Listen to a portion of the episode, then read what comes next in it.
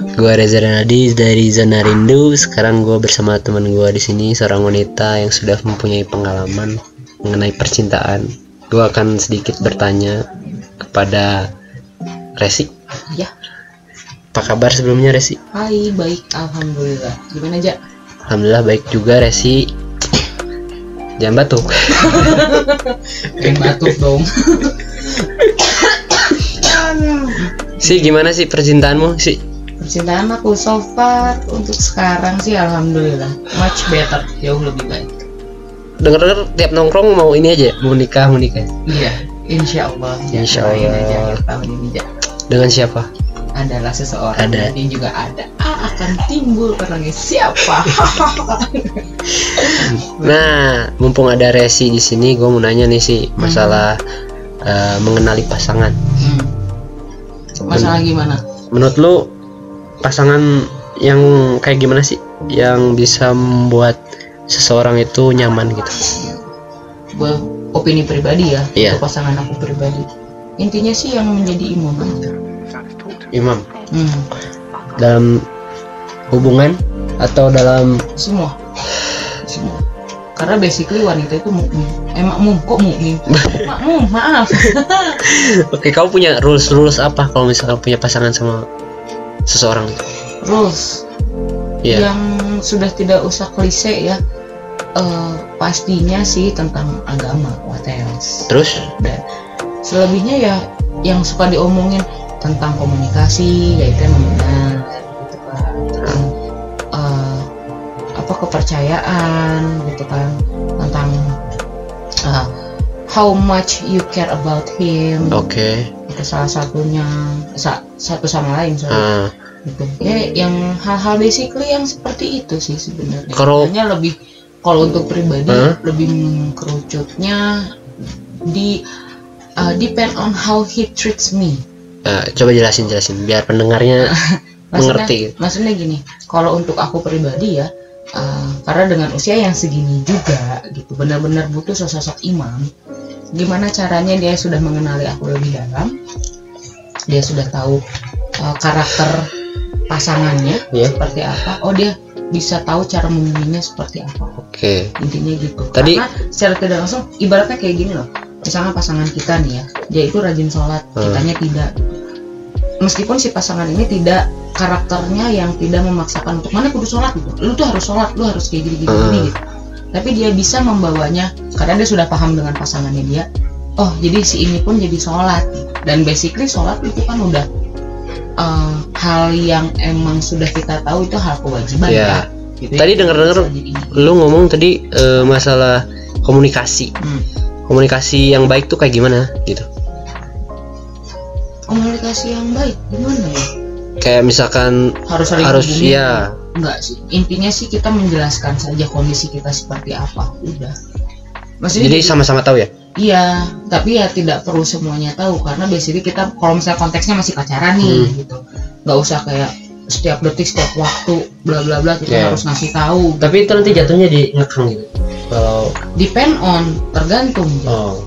tergantung Tapi kan banyak orang yang kayak gitu rata-rata. ngerasa tapi Iya. kalau opini aku pribadi gimana si lawan mainnya kalau misalkan Hmm. kayak gini lah aku salah satu orang yang eh seri eh, yang tidak mau diganggu urusan pekerjaan Yes. sebenarnya kayak gitu nah misalkan aku pasangannya dengan dia Ya. dia itu eh, Siapa? workaholic adalah pokoknya seorang Oke. iya Oke, dia oke. workaholic Ya. Yang jelas kan dia awalnya kan namanya juga ada PDKT kan kenapa Ya. ada PDKT kita ngejelasin dong gitu ya situasi kita seperti apa Ya, ya. pekerjaan kita kayak gimana kita udah tahu nih misalkan satu kasus ya hari itu kita tuh kita tuh sudah tahu jadwal dia pasti bla bla bla bla bla apalagi kalau misalnya dia PNS misal Hmm. kan udah jelas PNS kan ada waktu waktu Kosong. eh, bukan jam tepat jam tetap Iya. misalnya iya. dari jam 8 sampai jam 5 itu kan udah jelas Oke, kan oke, oke. kayak gitu. Nah, berarti segimana kitanya ya udah oh ini jam 8 sampai jam 5 ya udah deh, orang nggak akan ngeganggu dia Oke. gitu. Tapi di luar dari jam Nah, 5 Kalau Udah. kalau misalkan lu nggak ngeganggu dia, apa yang lu lakuin? Mengalihkannya gitu. ya nggak usah ngegangguin dia aja. Misalkan di- dianya kerja, ah, ya, eh, lu nya ngapain gitu. ya gue dengan kesibukan gue masing-masing lah. Oh jadi cari kesibukan gitu. Ya bukan cari kesibukan juga karena gua pribadi juga kan ada ada usaha meskipun usaha kecil-kecilan toh gitu. Tapi saran buat cewek-cewek yang sulit buat menerima cowoknya yang lagi kerja apa yang harus dilakuin? Dibalikin aja. Kalau lu jadi dia kayak gimana? Terus lu diganggu pada saat lu lagi kerja apalagi misalnya ada meeting lu diteleponin hanya karena lu di mana Oke. misalnya nanya yang kamu lagi di mana hanya karena kayak gitu that doesn't make sense at all gitu buat aku. Tapi rata-rata hubungan kayak gitu bisa jadi ini ya bumerang. Bumerang ke ceweknya atau ke Bisa. cowoknya kan? Bisa. Kayak selingkuh. Iya Iya kan? bisa. Ya maksudnya tahu sendiri kan konsep selingkuh itu apa sih? Hmm, dia mencari sesuatu yang tidak ada di pasangannya ya kan? Iya sih. Ya intinya kan kayak gitu. Terus lu suka kalau pacaran? Mhm. suka ngecek handphone? Oh no why? Buat apa? Itu privacy karena masih pacaran. Even buat aku pribadi ya Hmm. even untuk untuk suami istri pun sebenarnya itu nggak perlu. Iya sih. Buat apa? Karena jadi Ah. kita juga harus menjelaskan kepada eh, pasangan kita juga ya? Ya tetap makanya kenapa ada ada proses PDKT Hmm. toh. Di situ kan sebelum kita akhirnya oh ya deal deh gitu ketok palu hayu orang mau bubuhan misalnya gitu kan.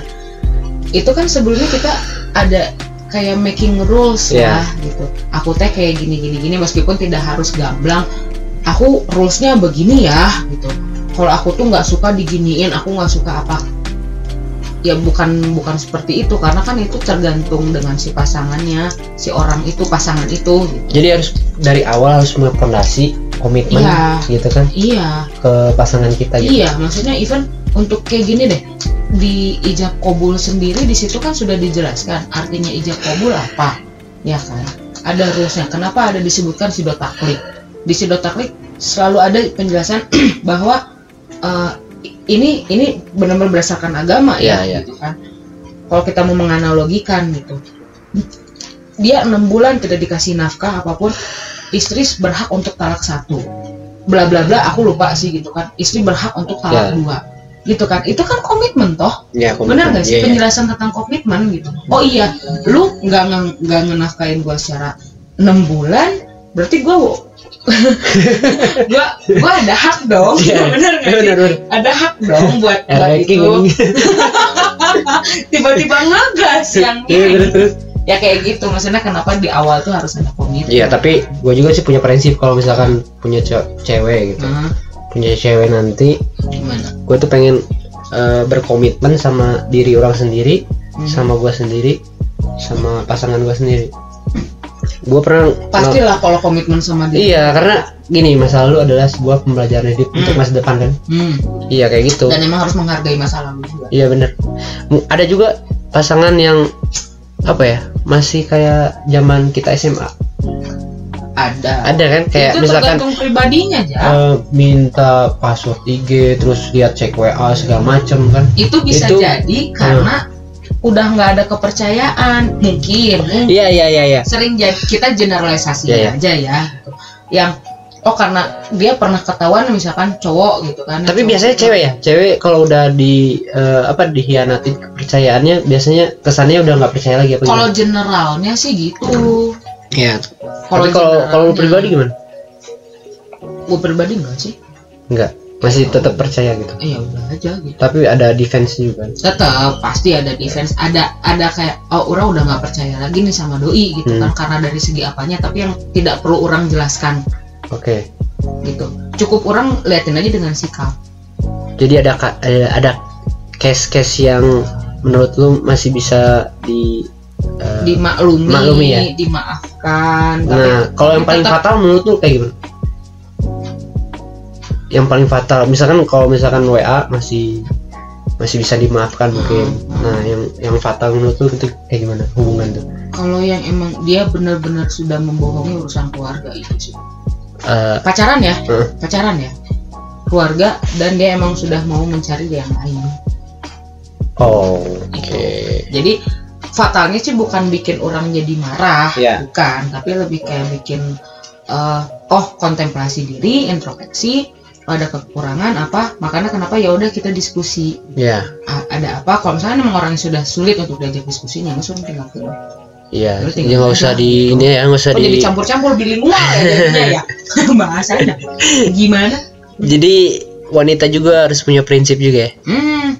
Kalau misalkan enggak kadang kalau wanita dia, dia tidak punya prinsip terkadang laki-laki pun eh, jadi memandang sebelah mata. Iya iya. Makanya kenapa banyak ada kayak Eh, ada kayak jadinya menghina istrinya ada Hmm. yang seenaknya bahkan aku pribadi gitu orang pribadi dulu dulu sering berpikiran kayak gini orang kalau misalkan mendapatkan se- seorang suami orang tidak mau dianggap sebagai pelacur ya dan pembantu Tanda rumah. kutip, gitu. tanda kutip gitu orang tidak mau kayak gitu oke kan berarti kan balik lagi ke Iya. komunikasi toh nah menurut lo kalau misalkan wanita itu harus menjaga dirinya tuh dari pria-pria hidung belang itu gimana tuh?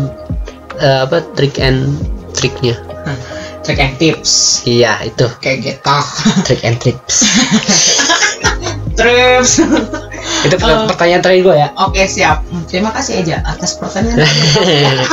Eh, itu sih kayak ngejaganya lebih kayak eh, karena gini tiap wanita punya inner beauty-nya masing-masing. yes. Gesturnya itu bisa bikin eh, dibaca sama orang. Misalkan kayak gini lah.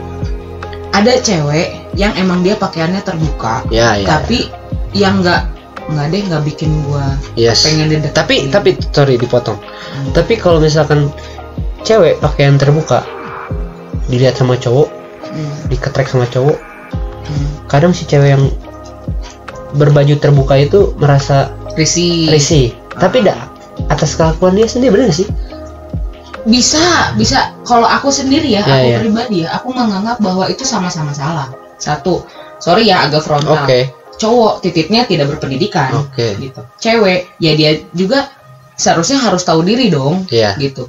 Ter- terus maksudnya depend on situationnya Oke. gitu. Dia misalnya dia mau pakaian terbuka di pantai wajar dong. Wajar. Masa iya dia pakaian terbuka di pasar? Yes.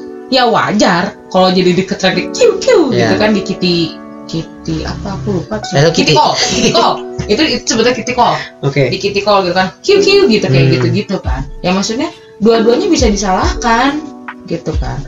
Ya kayak gini lah. Lu lagi ada di seminar Mhm. eh seminar di universitas.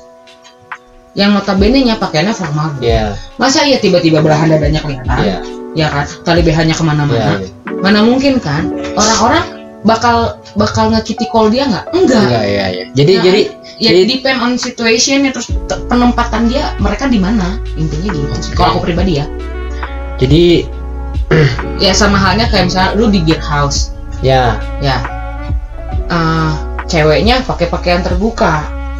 Lu tahu sendiri dong Jadi semuanya ada resikonya ya? iya pasti. Intinya kayak jadi gitu. kalau misalkan lu mau pakaian terbuka ya, lu harus siap juga dengan resikonya. iya konsekuensinya kayak Iya kan? gimana dan cowok juga sama. Lu juga nggak akan sembarangan dong. Maksudnya Iya. kayak oh ini kayaknya bisa nih dibungkus kayak gitu kan. Berarti, ini kayaknya bisa digini nih gitu kan. Ya nggak juga. Ya misalnya masing-masing juga punya perannya sendiri. Ya, jadi menurut kesim- kesimpulannya apa nih? jaga diri aja. Gimana situasional aja. Lu harus menempatkan diri lu di mana.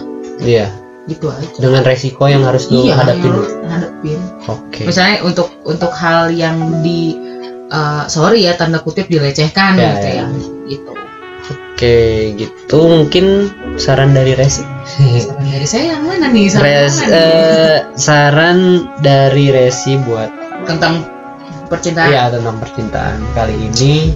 eh, untuk satu hubungan misalkan untuk pacaran emang selalu disebutkan eh, harus percaya dengan pasangan harus komunikasi harus apa kalau aku pribadi sih saran apabila eh, eh, satu hubungan Hmm. ada masalah diskusikan. Sampai benar-benar selesai sampai benar-benar mempunyai solusinya.